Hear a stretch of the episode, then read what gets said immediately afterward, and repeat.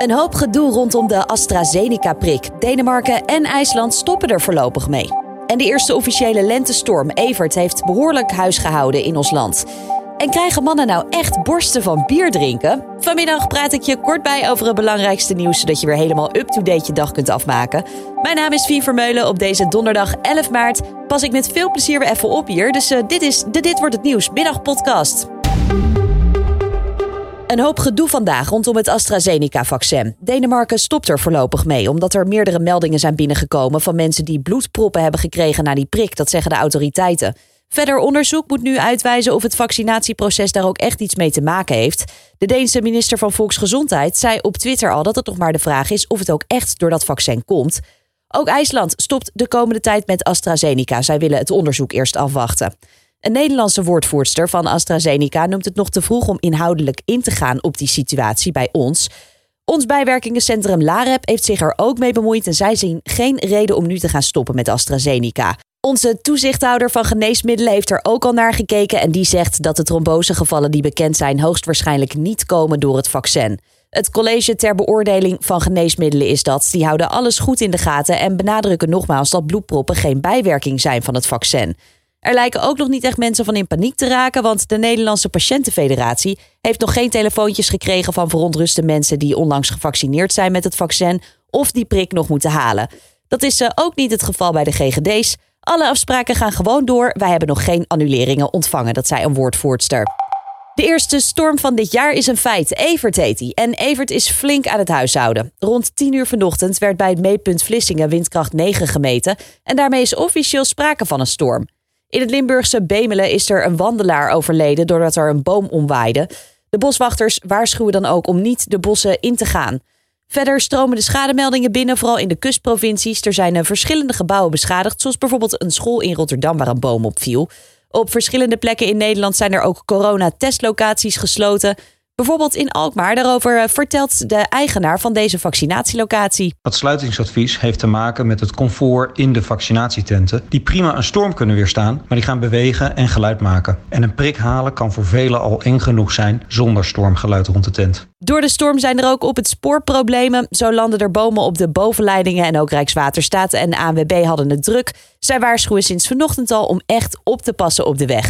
En over de weg gesproken, er wordt nog altijd eh, veel gebeld en geappt in het verkeer. Het aantal boetes daarvoor is in twee jaar tijd verdubbeld. Het waren er vorig jaar bijna 170.000.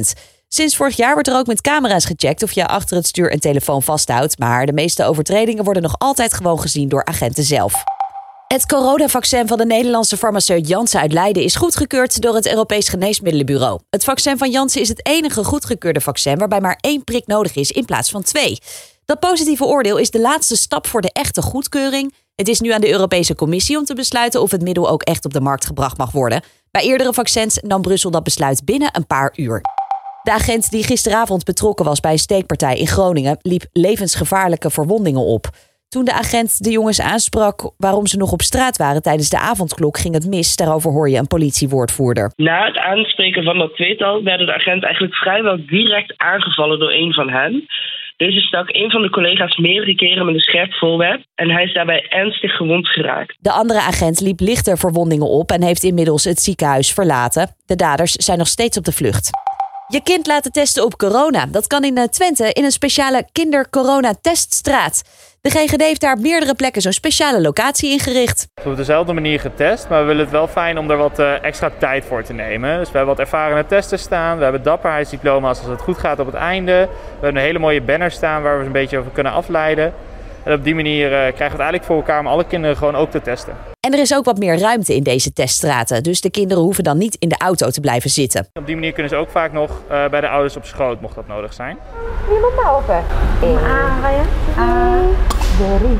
Hé, goed gedaan jongen. Het succes van de kinderteststraat is overigens niet onopgemerkt gebleven. Ze komen op steeds meer plekken in het land. En dat is maar goed ook trouwens. Want sinds de basisscholen weer open zijn, worden er steeds meer kinderen getest op corona. Vorige maand waren dat er zo'n 57.000, terwijl het er in januari nog 9.000 waren. Het weer dan nog van Weerplaza. Het waait nog altijd stevig, dus nogmaals pas op buiten. Boven het land kunnen we windstoten van 90 km per uur krijgen. En langs de kust zijn die soms wel 100 tot 110. Daarbij is het wisselvallig, zon, pittige buien met soms ook onweer en hagel wisselen elkaar af. De temperatuur ligt vanmiddag nog rond de 12 graden. Komende nacht wordt het droger en neemt de wind ook in kracht af. Morgen vallen er opnieuw een paar buien bij een vrij krachtige tot harde westenwind. En dan wordt het een graad of 10. En dan nog even dit. Bier en tieten, dat nummer ken je vast wel. Maar is dat nou echt? Krijgen mannen echt borsten als ze bier drinken? Of is het een spookverhaal? Een professor van het Erasmus MC in Rotterdam, die ook werkt bij de Wageningen University, geeft voor eens en altijd het antwoord vandaag bij het AD. Volgens haar is het namelijk niet waar. De hoeveelheid plantaardig hormoon die de borstgroei zou veroorzaken, is daar namelijk veel te laag voor in bier. Als je aankomt door het drinken van veel bier, dan komt dat dus gewoon omdat je veel te veel calorieën zit te hakken. Dit was de middagpodcast alweer voor vandaag. Heb je nou tips of feedback? Mail ons dan via podcast.nu.nl. Ik ben Fien Vermeulen. Pas nog even goed op met de harde wind. En verder zeg ik een hele fijne dag. Morgen zeker luisteren, want dan is Julian er met een speciale verkiezingseditie van de Dit wordt het nieuws podcast.